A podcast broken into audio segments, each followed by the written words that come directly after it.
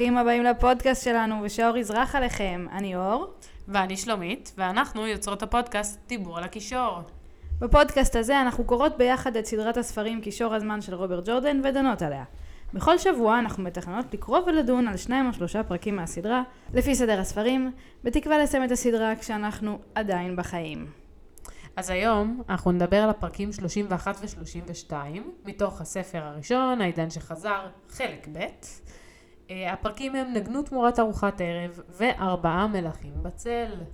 ייי. אז אה, כמו, ש... כמו שאתם יודעים, אור מאוד אוהבת את פרקי הפונדקים. נכון, האמת שזה נכון ממש, אבל uh, האמת שהכי אני אוהבת זה הפרק הבא. כי הפרקים הבאים שכבר ממש ממש כזה מסכנים כבר, וכזה רנד חולה ומט לא רואה, כאילו עוזרים אחד לשני זה יותר הזה, אבל גם פה כבר, פה גם מתחיל, הנה, מתחיל גם עכשיו העניין. גם זה יתחיל לעצב קצת את הדמות שלהם בהמשך. Uh, זהו, רציתי להגיד לגבי הפרק הקודם גם, שגם מישהו כתב, לי, כתב לנו בקבוצה, שאכזרי זה לא בדיוק המילה שאפשר להשתמש על פרין, ואני מסכימה. Uh, כי הוא באמת לא אכזרי, התכוונתי יותר לאלימות, יש בו אלימות מודחקת, זה לא אכזריות. וואי, זה מעניין שאת מעלה את זה, כי אני גם רציתי לדבר על זה. אוקיי, מה להגיד? התחלתי לעשות את זה אוף רקורד, אבל אם כבר uh, העלית את זה בהקלטה, אז רציתי להגיד שאני חושבת שהפחד הכי גדול שלו, יותר מהכל, זה הנושא של איבוד שליטה. אני Hmm. חושבת שהוא מאוד מאוד uh, בקטע של שליטה, הוא כל הזמן חושב על כל דבר מלא פעמים, הוא לא עושה דברים בלי לחשוב עליהם, בלי לקבל החלטה, ותחת הזאבים הוא לא בשליטה. נכון. הוא ממש לא יודע מה קורה איתו, ואני חושבת שזה מאוד הפחד שלו. אולי זה מתוך המקום הזה, כל השליטה היא מתוך המקום של הפחד אה, להרע ולעשות משהו רע, כי גם מדברים עליו מתחילת, הספ... מתחילת הספר, על זה שהוא נורא עדין ומנסה לא לפגוע והולך בזהירות, והכל כדי לא לפגוע באחרים מתוך התחושה הזאת שהוא מגודל ו... וכו'. נכון, אז ממש. יכול להיות שזה, שזה גם באמת הפחד שלו לפגוע באנשים, אבל, אה, אבל כן, חשבתי על זה שזה אולי באמת יותר שליטה מאשר אכזריות, כי אני באמת לא ראיתי בו אכזריות. זה לא אכזריות. אני לוקחת את אה, מילותיי בחזרה, זה לא אכזריות, אבל אולי באמת חוסר שליטה, אוקיי, אני אקבל, יודעת מה, אני אקבל את זה אפילו יותר טוב. באמת, חוסר שליטה, אפילו לא אלימות, חוסר שליטה באמת. זה באמת התסביך שלו, ולא אכזריות. אה, טוב, טעיתי, טועים, קורה. זה פשוט התאים לאותו רגע שהוא. חשב על להרוג את אגווין, שזה באמת הזוי. נכון. באמת אולי, מחשבה אז אולי הזויה. באמת יש בו איזושהי אלימות מודחקת. אולי זה כן, אה, אולי אני לא צריכה לקחת את כל המילים שלי בחזרה, אלא פשוט, יש פה, יש פה, גם יש פה עניין של חוסר שליטה ושליטה, וגם יש פה עניין אה, של איזושהי אלימות שהוא מתכחש אליה, והאלימות הזאת גם מתפרצת ממנו אה, עם הזאבים, כשהוא ברגע שהוא נהיה זאב. יכול להיות. אני חושבת שזה ממקום של רחמים, אבל זה מקום מאוד מוזר. כי באמת, למה אתה מרחם על אגווין, ולא, אתה לא חושב מה לעשות עם עצמך, אתה לא חושב מה לעשות עם אליאס, אתה חושב על להרוג את אגווין. זה באמת מחשבה מאוד מוזרה. כן. אני מבינה למה לקחת את זה למקום הזה, זה באמת אה, משהו הזוי. כן. טוב, בואי נראה גם בפרקים הבאים של פרין, אם נצליח אה, לצלוח אותם. כן. את כל המחשבות שלו. obviously מדובר בבן אדם עם אה, מחשבות, אה, איך קוראים לזה? overthinking, כאילו, כן. אה, טוב, בוא נדבר על אה, מאט ורנד החמודים נכון. שלנו, מתוקים. אז לפני שנתחיל, רק נדגיש שזוהי קריאה מחודשת, אנחנו מניחות שכולכם קראתם את הספרים, ולכן יהיו פה ספוילרים, ראו הוזהרתם. אז, פרק 31, נגנו תמורת ארוחת ערב. הסמל של הפרק, חרב מסומנת בענפה. אז רנד ומט, במסע רגלי מפרך לעבר קמלין, הם מנסים לחמוק מכל מי שהולך על הדרך הראשית, כי בעצם הנמוגן פגש אותם בגשר לבן, והם עכשיו מאוד מפחדים ממנו. אז כל פעם שיש רוכבים או מישהו על הדרך, הם מהר בורחים. רוב הזמן הם ישנים מתחת לשיחים, אוכלים מים מהנהר. אה, בהמשך הם מגיעים לאזור של חוות, מנסים את מזלם מדי פעם בין החוות, בתקווה לאיזה ערימת שחת לישון עליה. הניסיונות שלהם לרוב לא מצליחים, לפעמים נגמרים גם בכך שמשסים בהם את הכלבים. מאט דופק מבטים חשדניים לכולם, לכן גם כשמאפשרים להם לעבוד, זה לא תמיד נגמר בטוב. אה, לבסוף הם מגיעים למשפחת גרינבל, שדווקא הייתה נחמדה אליהם והאכילה אותם. מאט ליאטט, רן ניגן להם בתמורה לטוב ליבם, והם אמרו להם שהם מהווים בידור ראוי יותר מפונדקים שהם שהו בהם, וכדאי להם לנסות זאת. כשהבת הגדולה שלהם עושה לרן עיניים, אה, ואימא שלה קולטת, הם מחליטים לקצר את השהות של רן ומט, ונותנים להם מיטה ללילה, אה, במקום מפוקח, ולאחר מכן שלחו אותם לדרכם, שהתחילה להשתפר משמעותית אחרי שהם התחילו לנגן ולעשות להטוט- להטוטים בפונדקים, והם כמעט יכלו לשכוח מהרעב. ייי, נכון, באמת אה, זה... אה, רציתי לדבר על זה שאנחנו רואים את זה פה, שג'ורדן, הוא אוהב לטשטש את הגבולות בין העולם האמיתי לבין העולם הקסום. זאת אומרת, למשל, עם מאט, זה הרי הגיוני שהוא יהיה חשדן, הוא בורח וטראומטי, הרי הוא בורח ממשהו, זה הגיוני שהוא יתנהג ככה. אה, וגם רן, זה הגיוני ש... שהוא יחשוב מחשבות בראש שלו, כל מיני מחשבות. אגב, כן, גם פה אנחנו נראה את המחשבות שאני עוד פעם עומדת אה, מאחורי זה, שזה כבר אה, התחלה של הסטרין. אי אפשר כל כך לדעת, וזה בדיוק העניין. זה בדיוק מה שאני אומרת, שג'ורדן מטשטש את הגבולות. אנחנו לא יודעים אם זה רנד או לואו אסטרין, אה, ואנחנו גם לא יודעים אם זה מאט או הפיגיון. כאילו, הוא אוהב, לשחק על זה. אה, מעניין, מעניין, מסכימה איתך. אני לא בטוחה לגבי לואו סטרין, אני עדיין לא חושבת שזה לואו סטרין, פשוט כי לואו סטרין באמת, הוא לא כל כך קוהרנטי, הוא אף פעם לא מגיב לעניין, בטח לא ברצף שכזה לאורך כל הפרק, מדבר לעניין, על הדברים, יורד על רנד ככה, לא יודעת, זה לא השפה שלו בהמשך. אולי אני גם פשוט לא שמתי לב אף פעם באמת מתי היה המעבר. אז אני לא באמת יודעת להגיד, וכמו נכון. שאמרת, אין גבול באמת אה, חד משמעי. אז מעניין, נשים, ננסה לשים לב לזה. כן. אם, אם אנחנו רואות... אני אגיד לך, זה גם, אה, רואים את זה יותר בפרק הבא, כשהוא אומר אה, מאוחר מדי, מאוחר מדי, זה מין מחשבה שעוברת לו בראש. אני קצת הרגשתי את ה vibe בלו אסטרין כזה, אבל אין לדעת, את מבינה? יכול להיות שזה סתם תיאוריה שאני המצאתי, ויכול להיות שזה באמת משהו שגם ג'ורדן חשב עליו. אי אפשר לדעת. יכול להיות גם שזה עובר בין לבין. כאילו, יכול נכון. מאוד להיות שלואו סטרין כבר מתחיל אה, להיכנס פה לעניינים. לא, אני גם מניחה, אם אני זוכרת נכון, שבאמת עכשיו, אחרי שהוא מטייל בפרק הבא, אנחנו כבר מספיילרות את עצמנו את הפרק הבא, אה, הוא עושה טיול מטורף בפעם הראשונה, אז אה, נראה לי שאחרי זה נראה את ההשלכות של זה, ואני מניחה שגם נראה יותר דיבורים של לואו סטרין, אבל זה אני כבר לא זוכרת, ואנחנו נראה בהמשך. אה, זה לא עכשיו, בכל מקרה. אוקיי, אז רציתי לדבר רגע על, הס... על הסימן של הפרק. אז בעצם יש לנו פה חרב מסומנת בענפה, ודווקא בפרק הזה זה לא כל כך קשור. זה כאילו לא לגמרי מרגיש קשור. נכון. בהמשך יש, אה, בפרק הבא, אנחנו נראה שרנד חושש פתאום מזה שהוא מסתובב עם החרב כל הזמן הזה ואומר, רגע, אולי אני משאיר אחריי שובל של זיכרונות לעקוב אחריו? שזה הצחיק אותי מאוד, אבל תמשיכי, כן. אה, ו- ויש בזה משהו, חרב מסומנת בענפה זה לא משהו שהוא נפוץ בכלל, הוא באמת מסתובב איתה. אז אני תוהה לעצמי, אולי באמת זה מה שג'ורדן אומר לנו, בפרק הזה כבר, רן משאיר אחריו שובל של זיכרונות, אולי זה באמת המצב, למרות ש, ואני אדבר על זה בפרק הבא, זה לא נראה שממש עוקבים אחרי, אחרי הדבר הזה אצלו. כן, אני מסכימה איתך בקטע, בקשר של ה... בהקשר של הסימן עם הענפה, שזה מאוד מצחיק אותי, שרק בסוף הוא אומר, אה, רגע, אולי בעצם השארתי פה שביל, אה, כאילו, מה אתה מתנהג מוזר? אתה obviously בולט בנוף עם השיער הג'ינג'י שלך והענפה שלך, ואחרי זה אתה גם הולך, אתם הולכים אה, פונדק פונדק ומופיעים, כאילו, זה לא, ככה לא מתנהגים משהו שרוצים להסתוות כל כך, אני חייבת לציין.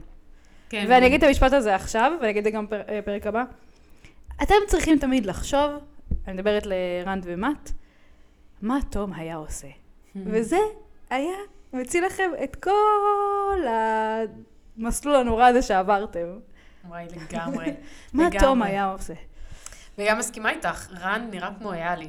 אין הרבה איילים באזור הזה. הוא גבוה מאוד. הוא גבוה, הוא ג'ינג'י, עם עיניים כחולות, יש לו באמת מראה מאוד ייחודי. החרב, אני לא יודעת אם זאת הבעיה שלך, אחי. צודקת. למרות שבשלב הזה, החרב. בעצם באותו, באותו פרק, בשלב הזה שאנחנו רואות של המסע, אז הוא לא מסתובב באמת, הם מתחבאים גם. כל פעם שעוברים רוכבים הם מתחבאים, הם רק בחוות מעיזים להראות את פניהם, וגם, פשוט כי כמה אפשר לאכול מים. נכון, אבל אתם עוברים חווה חווה, כאילו, בוא נגיד אם הייתי מירדרל, או כל, לא יודעת, אה, ידיד אופל, באתי להגיד עוד פעם אוכל מוות, יד, כל ידיד אופל אחר, הייתי פשוט באה לחווה ראשונה שאני רואה, טוק טוק טוק, היי, ראיתם פה זוג מאוד מאוד בולט, אחד עם שיער ג'ינג'י ואחד עם הפרצוף הכי חשדני שראיתם בחיים שלכם? כן, הם היו פה לפני שנייה. אה, תודה לכם. את מבינה? זה... נכון? אבל גם לעבור בכל החוות זה גם עבודה, ואנחנו רואים באמת ש...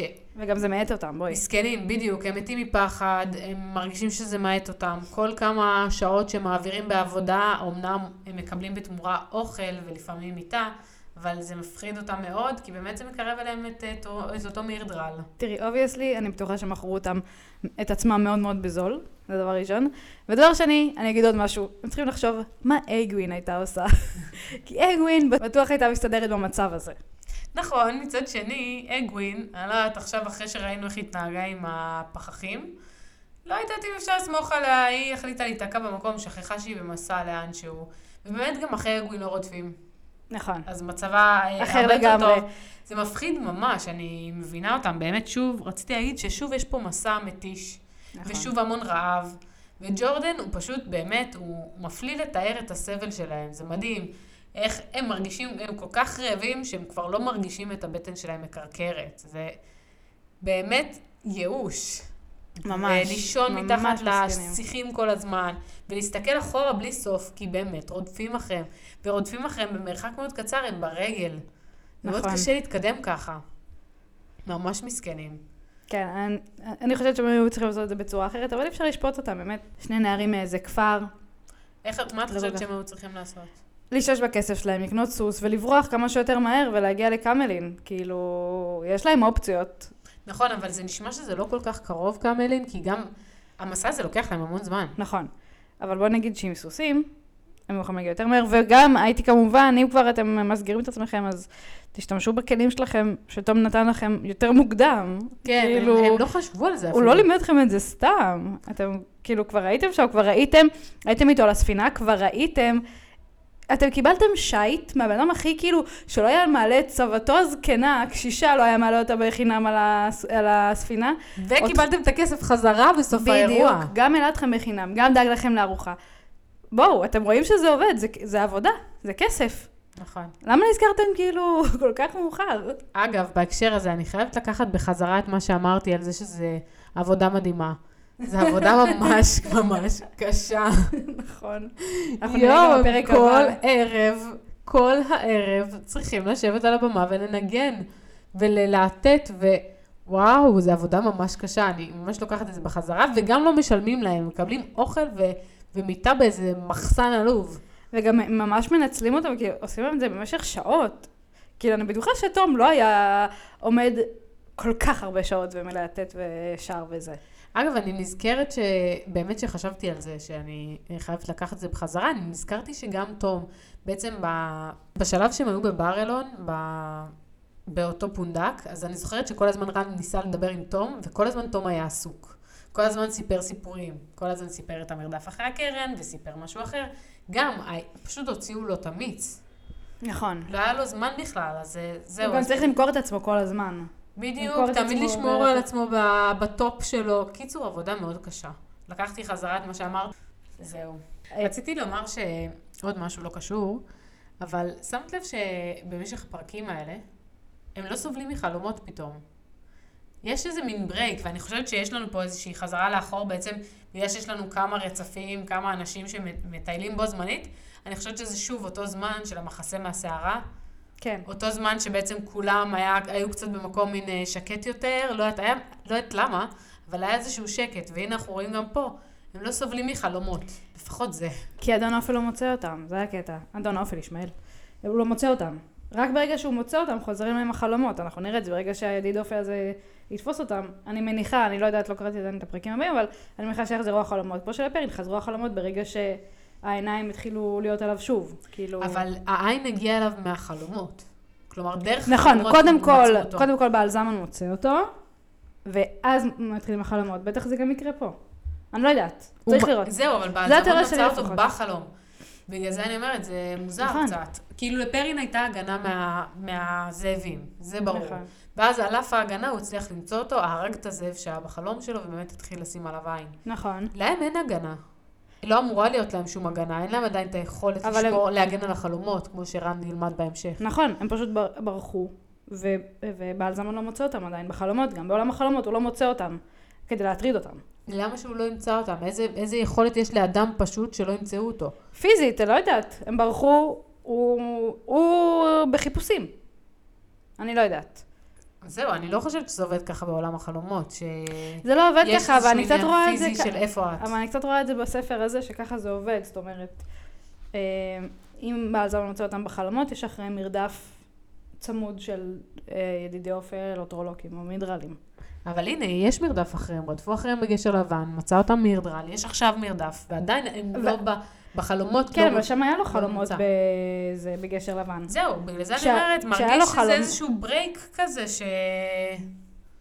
פחות או יותר מתאים בזמנים, אבל בעצם את יודעת, במחשבה שנייה זה לא באמת מתאים בזמנים, כי כשמוריין הגיע לגשר לבן, זה היה יומיים אחרי שרנד ומט היו בגשר לבן, והיא כבר אמרה שהעיניים של אדון האופל אה, מורגשות. אז בעצם זה באמת לא מתאים.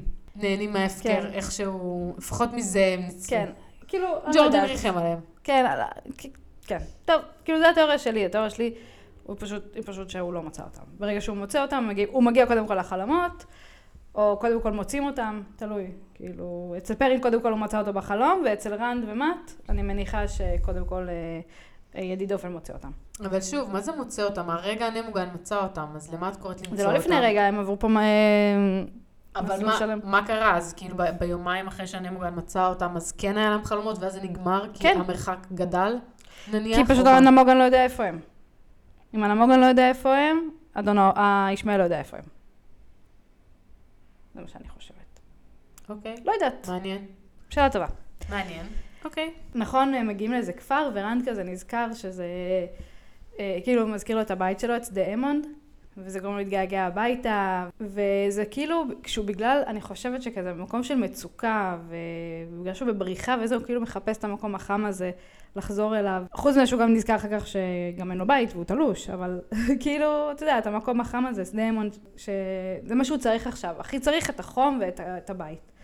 וזה מזכיר לי שכשטיילתי אני ובן הזוג שלי באירופה, אז אה, היינו צריכים לנסוע מ- מלונדון למדריד, ופספסנו את הטיסה.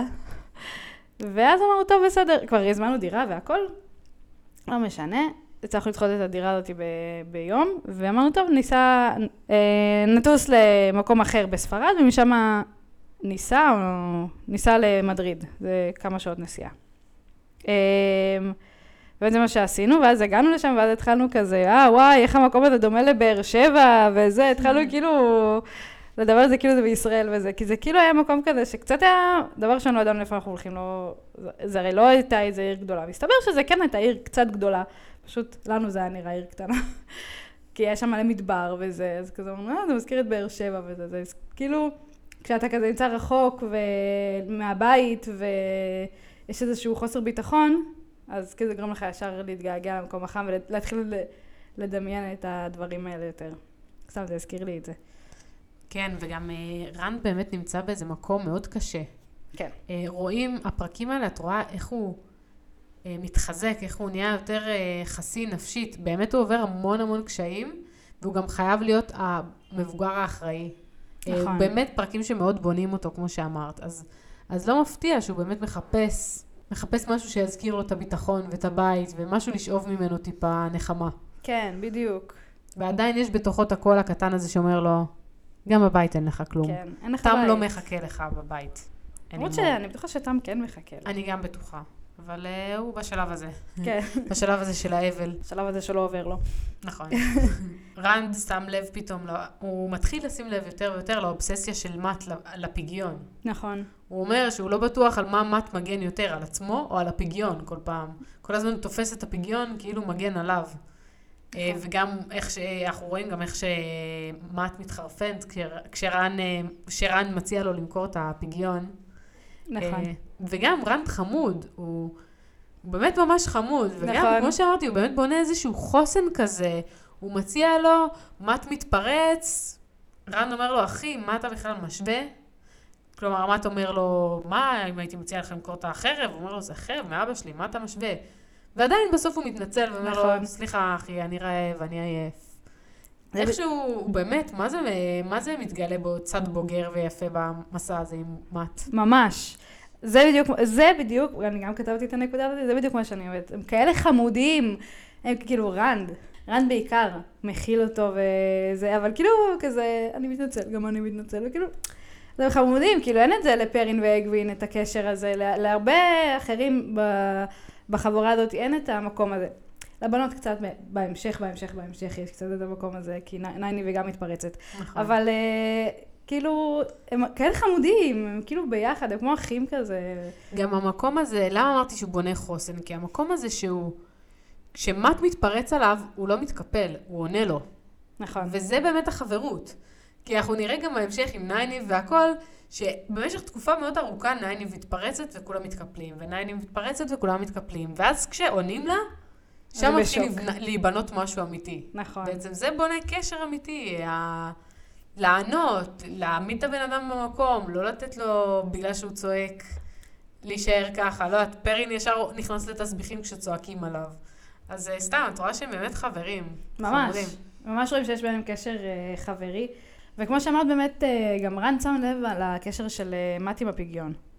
עכשיו, האמת, צריך להודות שזה מזל שהם לא מכרו את הפגיון, ושרן לא לחץ עליו יותר מדי, כי כנראה שפשוט מתי היה מת בלי הפגיון. אז צריך לזכור את זה גם, שזה באמת אה, מזל שהם שמרו את זה. קשה לי להאמין שר... שמט היה באמת גם מצליח בכלל למכור את זה. וגם אם הוא היה מוכר את זה, הוא היה גונב אותו חזרה אחר כך. כן, אה? בד- בדוק. יש, יש לו איזושהי לא. אובססיה לזה, הוא קשה לו בעצמו להתנתק מזה. נכון. אה, רציתי להגיד שעל אף שבאמת אה, רן מתנהג המון בבגרות וזה, את רואה שהוא כן, הוא כן מתבאס על מאט. הוא כן מאשים אותו בזה שמאט גורם להם להסתבך, המבטים שלו, ש... שהוא לא טורח להסתיר. כן, שהוא לא טורח להסתיר, שבגללו זורקים אותם ממקום אחרי מקום.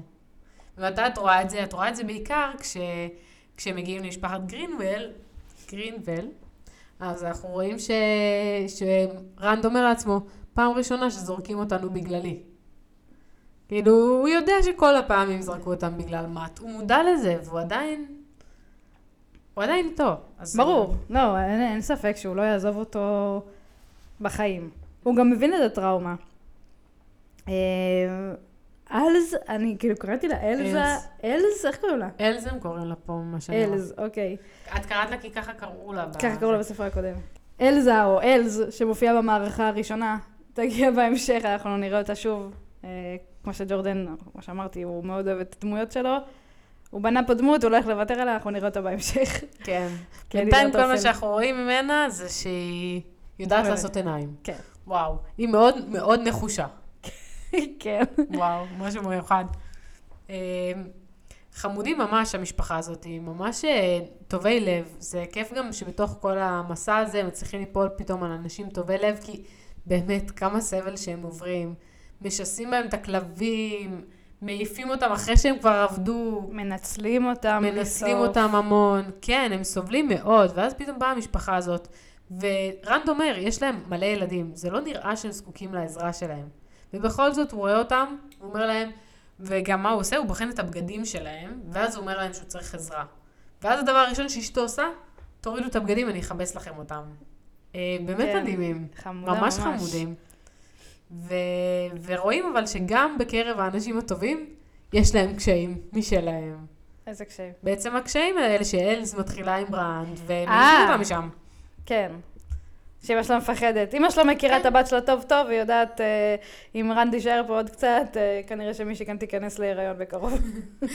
אז כן, יש להם בעצם גם עם האנשים הטובים יש בעיות. כלום לא הולך חלק ופשוט במסע של השניים האלה.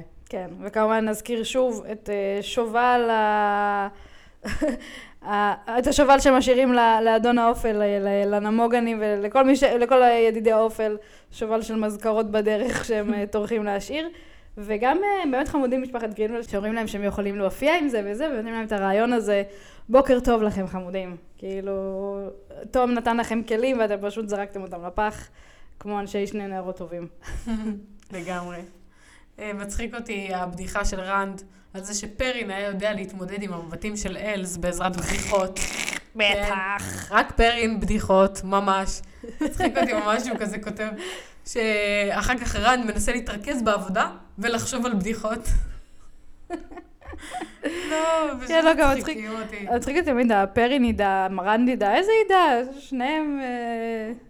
ראשי אה, קש. ממש, ממש, פרין ובדיחות, לא אחי, אתה לא מחובר. אז רציתי לשאול אותך לגבי המבטים הבוחנים האלה של גברת גרינוולד, בעצם ברגע שהיא קולטת שהבת שלה מתחילה קשות עם רנד, אז היא מתחילה להסתכל עליו במבטים בוחנים, שהזכירו לי מאוד בעצם את התיאור של המבטים הבוחנים של נשות הכפר בעצם, בשדה אמונד, שמחפשות לשדך, ואני תוהה לעצמי, האם היא מסתכלת עליו כי היא בוחנת אותו בתור חתן לבת שלה, או בתור איזשהו, סתם בסקרנות, הבת שלה בעניין שלו, מעניין מה היא רואה בו, מה זה המבטים האלה כל הערב? לא, לא, לא. לא, אני חושבת שהיא מפחדת מאוד שההומלס הזה שהגיע לבית שלהם, המסכן הזה, הבת שלה הולכת, את יודעת מה איתו, ומה שהפחיד אותה זה להיות סבתא לבן של הומלס. זה מה שהטריד אותה בעיקר, כאילו, אני לא חושבת שזה שידוך טוב לבת שלה, הגבר ההומלס הזה והמסכן שהגיע, כאילו, היא עזרה לו כמו כלב נטוש, היא לא עזרה לו בקטע של, אוקיי, אתה הולך להיות עכשיו המלך של המלכים, אוקיי? זה, כן. זה לא הסיפור פה.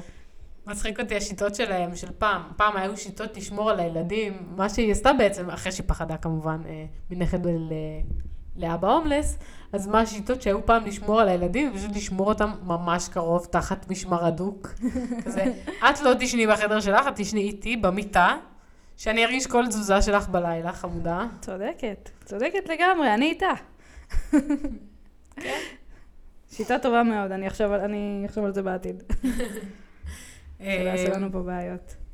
אם אפשר להגיד פה איזה ספוילר קטן, שסתם בפרק הזה, אז בעצם מראים, אומרים לנו על מאט, שהוא נרגע סביב ילדים קטנים, שזה בעצם, אה, שרן מבסוט שיש להם ילדים למשפחת גרינבל, כמעט נרגע סביבם, זה באמת מזכיר מאוד את הדמות שלו בסדרת טלוויזיה, שהם באמת בנו את כולה אה, המון סביב ילדים. וגם נכון. באמת במפגש עם אותה משפחה בעתיד. נכון. אז בעצם גם, שוב, יש שם את הקטע הזה שהוא בקטע מאוד מוזר, אבל הוא זה שחובר לאלז. נכון. ו- אבל נכון. כן, כי היא ילדה בעצם, וכי זה מה שמרגיע אותו, מכל הטירוף שלו. נכון, זה ממש יפה. נחמד. חמוד מאט, אני מתה על מאט, הוא כזה מתוק. אוף, מסכן. בפרק הבא עוד יותר מסכן. כאילו, בפרקים הבאים שנדבר עליהם. כן. אוקיי, אז רוצה שנעבור לפרק הבא? יאללה, אז נעבור לפרק הבא. אז uh, הפרק הבא, פרק 32, ארבעה מלכים בצל. הסמל של הפרק, שן הדרקון. אז uh, רנד ומט בעצם מתקדמים בין פונדקים, כמו שראינו. בפרק הזה מגיעים לכפר שנקרא ארבעה מלכים. הכפר מתואר כמקום מתועב, בתים לא צבועים, נשים שמשפילות מבט. בקיצור, מקום לא נעים. הם היו מעדיפים אולי להמשיך, אבל יש גשם רציני מאוד בדרך, והאלטרנטיבה שלהם היא לישון מתחת לשיח, משהו שמט לא מוכן בכלל לשקול. אה, במקום יש לא מעט פונדקים עם נגנים, ולכן הם צריכים להסתובב ולחפש בעצם אה, מקום ריק. הם מגיעים למקום ריק. פונדק גם נתעב במיוחד, קוראים לו העגלון המרקד. אה, בעל הפונדק תוקע בהם מבטים נבזים, אבל הוא מאפשר להם לישון במחסן, בתוספת ארוחת ערב, בתמורה לנגינה ושעשוע עד הלקוח האחרון. אה, הם ממלאים את הפונדק, ובעצם מנגנים ומלהטטים, ממלאים את הפונדק, אבל הם מתחילים להרגיש לא בנוח עם המבטים של בעל הפונדק, מתחילים להבין שהוא כנראה הולך לשדוד אותם בסוף הערב. במקביל מגיע לפונדק עוד איש חריג בנוף, לבוש בבגדי משי, שגם נועץ בהם מבטים, מכירים, לא מוריד מהם את העיניים כל הערב. בסוף הערב הם מקבלים חדר במחסן המעופש, שאין בו כיווני יציאה והדלת היחידה שלו שמורה. הם מחפשים דרך לצאת, כשהאיש בבגדי משי דופק להם בדלת, ומסביר להם שהוא ידיד אופל, ושהם חייבים להצטרף אליו ולאדון האופל. מרוב ייאוש, רן מתפלל לדרך החוצה, כשלפתע, החדר מוצף באור, וחור נפתח בקיר החיצוני של המחסן, ומאפשר להם לברוח ולהשאיר את כל הגופות של העוזרים של האיש במשי מאחור. אה, וזהו, ככה הם בעצם בורחים. נכון. וכך נגמר הפרק. נכון. קוראים לפרק הזה ארבעה מלכים, בצל. ואני תוהה לעצמי מי זה ארבעת המלכים האלה שנמצאים בצל. כאילו... יכול להיות שיש פה כאילו רמז להייק וגודה ומט ורנד? כאילו אולי הם ארבעת המלכים סוג של? כאילו, או שזה סתם, פשוט ככה קוראים לה... לעיר? לעיר, כאילו, כאילו סתם בגלל זה, או שבגלל שפשוט כל הכפר הזה בעצם הוא באמת בצל, כי הוא... זהו, אני, אני חושבת שזה הכיוון שאני הייתי הולכת אליו, mm-hmm. כי בעצם כל הכפר פה הוא מתואר בעצם מאוד בצל, אה, את יודעת מה- מתואר מראש ככה, הגדרות לא מתוקנות והבתים לא צבועים. אבל מה הדבר שהכי אה, מעיד על זה שזה מקום מאוד מאוד שלילי? היחס לנשים. כי כל כן. שאר, המ- גם, את, אה, גם רן בשוק מזה, כי תחשבי שכל המקומות עד עכשיו שהוא הגיע אליהם, הנשים היו החזקות. כרגיל בספרי ג'ורדן. Mm. ופתאום אנחנו מגיעים עכשיו לכפר שבו הנשים הן מוחלשות ומוטרדות מינית, וכאילו, באמת במקום הכי נמוך שלהן, מוקטנות, ורן בשוק בכלל שיש את האופציה להתייחס ככה לנשים, כי בחיים הוא לא ראה יחס כזה לנשים במקום שהוא בא נכון. ממנו, וגם הוא אף פעם לא ראה נשים שמגיבות ככה, בעצם ממושפלות ולא מרימות מבט. לא מרימות מבט, לא מרכלות, מעבר לגדר כן. אחת עם השנייה. כן, כן, הוא ממש בשוק מזה. וואו, יפה, נקודה טובה. ואת יודעת מה מעניין? זה קצת מוזר, שזה כל כך קרוב לקמלין, וקמלין יש שם מלכה. כאילו, איך זה יכול להיות בכלל בעולם של ג'ורדן כפר כזה? אני לא יודעת, זה כפר שהוא ממש בצל. וכמו שאנחנו רואים, גם התיאור של ה... בעצם גם הסמל, הסמל של הפרק הזה זה שן הדרקון, בעצם.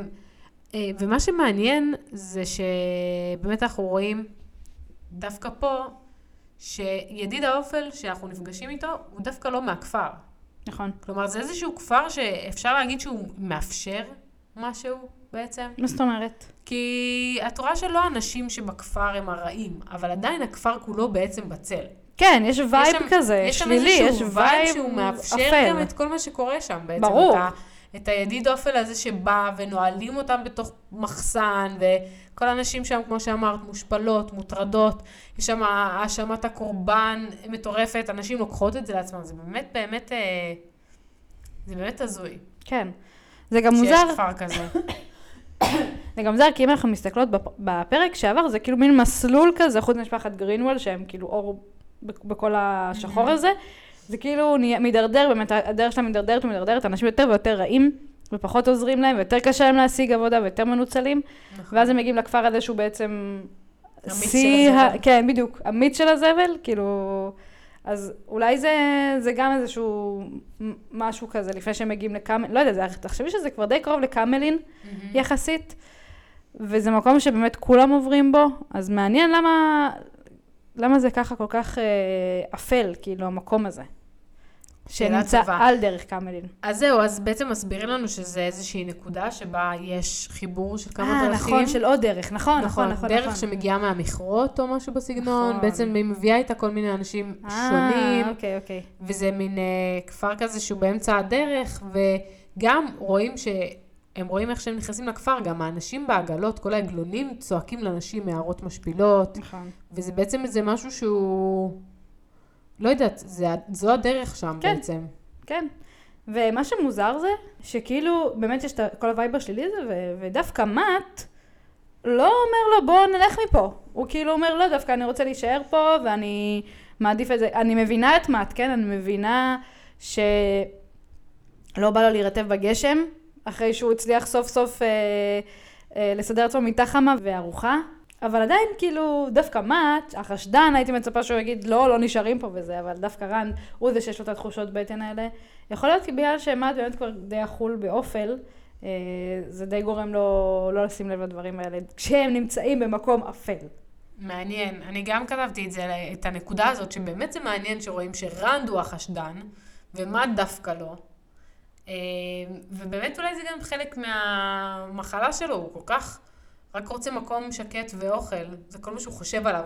כן. ומצחיק, יש קטע בעצם בהמשך, טיפה אנחנו קופצות בפרק, אבל מהמם. יש קטע בהמשך שרנד ומט אוכלים, מקבלים את ארוחת הערב, וכשהם מסיימים לאכול, ומט סוף סוף שבע, הוא אומר, ידעתי שלא היינו צריכים לעצור פה.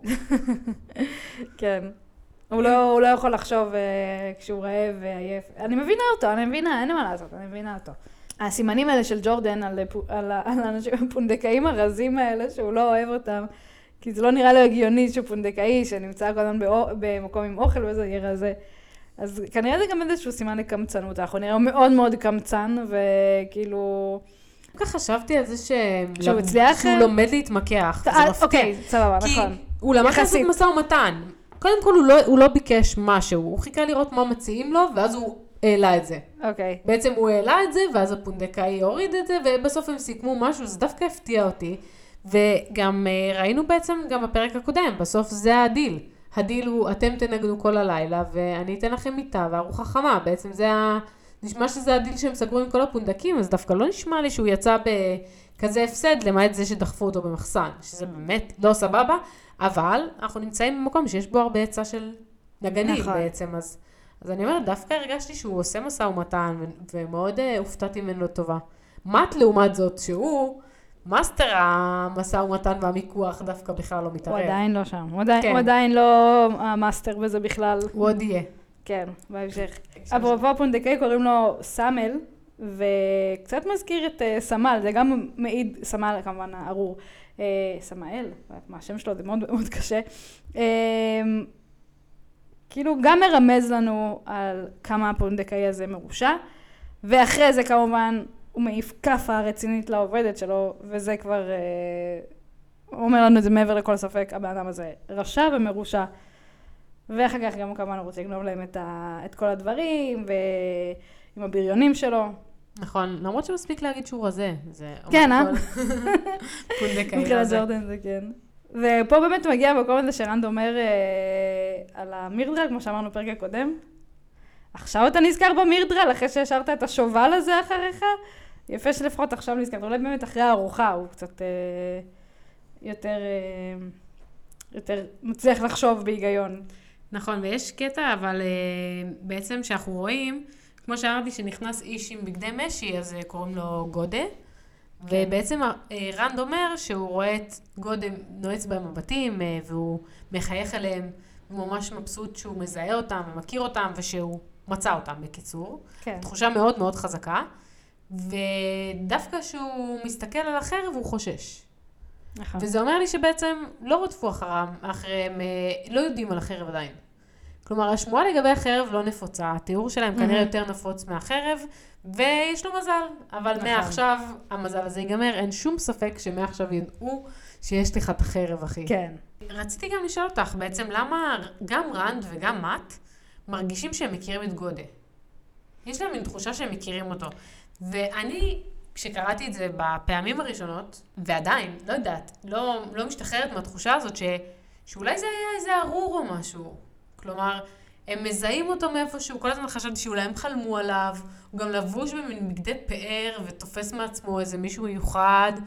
וככה באמת ראיתי את זה כל אני- הזמן. כל הזמן אוקיי. חיכיתי למתי יגלו לי שזה היה איזשהו אחד מהארורים. אוקיי, אז אני צריכה אה, להזכיר אולי שכרגע הארורים הם כן, הם כן כלואים, הם עכשיו מתחילים להשתחרר, זאת אומרת, בעין העולם, בסוף הספר הזה, זו פעם ראשונה ששני הארורים צריכים להשתחרר, חוץ מישמעאל שמטייל לו בעולם החלומות, עדיין, כאילו קצת אה, היה על זה דיון בקבוצה, אה, היו כל מיני תיאוריות מאוד מאוד טובות, אבל כאילו בוא נשים רגע את ישמעאל בצד, איך הוא משתחרר בעולם החלומות, אבל... אה, כל שאר ההורים עדיין כלואים, ואנחנו ב- בהמשך גם לאנפר משתחררת בעולם החלומות וזה. אני חושבת אה, שזה לא ארור, זאת אומרת, עדיין הם כלואים, הם לא נמצאים בעולם האמיתי, אבל אנחנו נראה בהמשך שהידידי אופל, הרבה פעמים אנשים עשירים מאוד, זאת אומרת, אנחנו גם נראה בהמשך את האישה העשירה הזאתי שבאה וכאילו באה לעזור לרנד, אנחנו, אני כבר מקדימה את זה, אבל היא תבוא לעזור לרנד, וזו אישה מאוד עשירה וזה.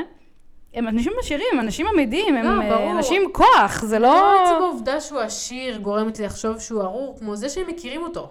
אוקיי, זה שהם מכירים אותו, יכול להיות פשוט שהם באמת ראו אותו ב... יכול להיות שהם ראו אותו בגשר לבן. כי רנד אומר, אני... בהמשך הוא יוצא והוא מסתכל על הכרכרות ואומר, אה, ראיתי את זה בגשר לבן, את הכרכרות האלה. הוא, והוא מבין שהוא הוא בעצם רדף אחריו מגשר לבן, הוא עקב אחריו מגשר, מגשר לבן. זהו, זה היה זה נראה נראה לי לא... למה, למה הוא מוכר, כי פשוט הם ראו אותו בכפר הקודם, בגשר לבן. זה היה נראה לא מבוסס מאוד מה שהוא חשב, אבל אה, אולי, אולי כן. לא יודעת, משהו שם היה נראה לי תמיד אה, יותר, יותר עמוק מזה. כן. אבל אה, כמובן שאני יודעת, כאילו, קראתי את ההמשך, אני יודעת שלא עולה בהמשך שהוא איזשהו ארור או לא. משהו, אבל אה, פשוט זה נורא, נורא, לא יודעת, הרגיש לי כאילו רומזים לי פה על משהו. אה, וואלה, רנד, באמת, אה, שוב, כמו שאמרתי קודם, הוא מאוד מתפתח, הוא... כמו שאמרתי, נכון, הוא מתגלה פה כחשדן, אבל גם אה, כחשדן יותר ממט, והרבה יותר ריאליסטי, וגם באופן כללי, האינסטינקטיב שלו, הם ממש מפתיעים לטובה. כלומר, הוא ממש רואה את הכל כמו שהוא. ראה את הייט, חשד בו מההתחלה, באמת הייתה סיבה לחשוד בו, ראה את הגודל הזה, הבין שיש פה במה, במי לחשוד. הוא חשב ישר שזה ידיד אופל, שמחפש אותם וצדק. בעצם אה, הוא ממש מפתיע לטובה פה. אה, נכון, הבעיה היחידה שלי איתו זה שיש לו את התחושות בטן האלה, והוא לא מקשיב לעצמו. שהוא בכל זאת אה, נכנע ל... לרעב, לעייפות ולזה, והוא לא מקשיב לעצמו. זאת הבעיה. נכון. אבל כן, הוא באמת מאוד מאוד התפתח, ממש, ממש... הנה, הוא בעצם המנהיג של החבורה הקטנה שלו ושל מאט. הוא זה שדואג להכל. ויכול להיות שגם מאט יש לו את היכולות האלה, פשוט כרגע שום דבר אצלו לא עובד, שום אינסטינקט אצלו לא עובד, רק פחד ושנאה, וכאילו כל הדברים הכי שליליים שיכולים להיות אצל בן אדם, מכל הסיבות בעולם, וכמובן בגלל הפגיון. אני אגיד לך מה העניין לדעתי של ג'ורדן, שהוא שם פה גם את האיום הזה וגם את האיום הזה. זאת אומרת, זה קצת אה, too much, נכון? כאילו, לכלוא אותם בתוך הפונדק, ויש להם גם את האיום של הייק המרושע הזה, וגם את גודי המרושע שגם מכריז בכל פה שהוא אה, ידיד אופל, ומנסה לשכנע אותם לעבור צד. בעצם, מה, מה המטרה של זה? לדחוק את רנד כמה שיותר לפינה, להרגיש לו כמה שיותר חוסר אונים וכמה שיותר כלוא, הרי אנחנו יודעים גם בהמשך כמה הדבר הזה קשה לו להיות כלוא, ו... ומה הוא אומר, אה, מה, מה, מה המילה שהוא חוזר על עצמו?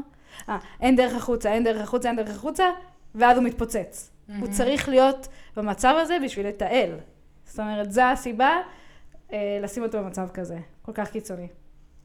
אנחנו, וזה כמובן, אנחנו נראה את זה בהמשך עם הקופסה, שזה גם מה שיביא לפיצוץ הזה אצלו, התחושה הזאת, הקליעות הזו, הוא לא יכול לסבול את זה. וזה מתחיל פה, וזה כמובן הולך ומתעצם, ככל שהוא הולך ומתעצם. נכון, לגמרי, צודקת. באמת היה חייב את כל ההגזמה הזאת ואת כל הסיפור הזה בשביל החוסר אונים של רן, זה בהחלט בנה את זה טוב. כן. את כל האירוע הזה. זהו, זה היה חייב איזה משהו. מה שאני מה שגודה אומר להם, אה, גם הוא אומר שהוא מרגיש את זה בא מהם בגלים, בגלים. מה הוא מרגיש מהם? מה הוא מרגיש שבא מהם בגלים? לא יודעת, זה הפיגיון של אה, מאט אולי, הרוע שלו, אין לי מושג. וגם אה, אומר להם שהם כאילו אמרו להם שיחכו לאדון האופל שרי אימה חדשים. מי ילך? כאילו חוץ מטיים בהמשך, שהוא כאילו הופך להיות ארור, אין עוד ארורים חוץ ממנו, שאני יודעת. יכול להיות שזה גם, את יודעת, משהו שהבטיחו להם בשביל להעביר אנשים לצד הזה. יכול להיות, אנחנו יודעים כן. שהארורים, כי בעצם כל החברי אופל, ידידי אופל, הם אה, מבטיחים הרבה דברים שהם לא. כן, הוא אומר בדיוק את כל מה שמבטיחים להם. נכון, וגם באמת אה, הבנתי שכשהוא דיבר איתם באמת על זה, והוא אמר להם, כנראה אתם תהיו שרי אימה, כי ביקשו ממני להביא אתכם לאדון האופל, איזה עוד סיבה יש לו לרצות אתכם? אה, וכנראה בגלל זה הוא חיכה בעצם, ולא ניסה להרוג אותם, הוא מנסה לעשות להם סוויט טוק. סוג של כן. להתחנף אליהם, הוא אומר, אלה עלולים להיות הארורים הבאים, אני צריך להיות uh, הבסטי שלהם. הוא לא רוצה לקחת אותם בכוח, הוא לא רוצה להילחם איתם, הוא רוצה קודם כל אה, לנסות להביא אותם בכיף. כי כן, כמו שאתה אומר, יכול להיות שבאמת הם... הוא יודע שהם אנשים בעלי עוצמה, זאת אומרת, לא סתם אדון האופל רוצה אותם. נכון, את צודקת. ויכול להיות שזה משתלם לו באמת בהמשך. הוא לא ממש יודע. נכון. אה, אז זהו, כמו שאמרתי בפרק הקודם, באמת פה הוא, אה, אמרתי שעברה לו המחשבה, אה, זה מאוחר מדי עכשיו, מאוחר מדי עכשיו, ואני אגיד שוב, למרות שאמרתי את זה פעם שעברה, אני חושבת שזה עוד פעם הצצה ללואו אסטרין, who knows. יכול להיות. סתם איזה משהו שאני חייבת לציין, שרואים לאורך כל הפרקים האלה, ובמיוחד בפרק האחרון, שאנשים פה פשוט, הם אה, רואים להם את הכל על הפנים. בעצם לא טורחים להסתיר כלום. הם ממש כמו, לא יודעת, זה כמו מראה קצת למט, שמט לא מצליח לשלוט במבטים שלו, וכל האנשים סביבם לא שולטים במבטים שלו. כאילו, הייק במבטים שלו מסגיר את התוכנית שלו. גודה במבטים שלו מסגיר את התוכנית שלו. בעצם כולם שם, הכל, הכל על הפנים שלהם, וזה נורא מוזר. את כאילו. צודקת. זה לא אופייני לבני אדם כל כך. ומה את חושבת שזה? אז אני חושבת, שוב, זה המראה למט. אה, זה... גם, אבל יכול להיות שבאמת, אה, כשאת, אני לא חושבת על זה, אבל כשאת אומרת את זה, יכול להיות שזה גם היכולת טוורן שלהם, שגורם לאנשים להתנהג קצת מוזר. ואגב, טוורן, רציתי גם להגיד את זה בהתחלה, נכון, אה, בפרק הקודם הם הולכים ויש מלא סופות ואבק וזה, זה גם אולי משהו שקשור, לא? כאילו, מזג האוויר קצת מוזר כזה, יש גשם ואבק וזה.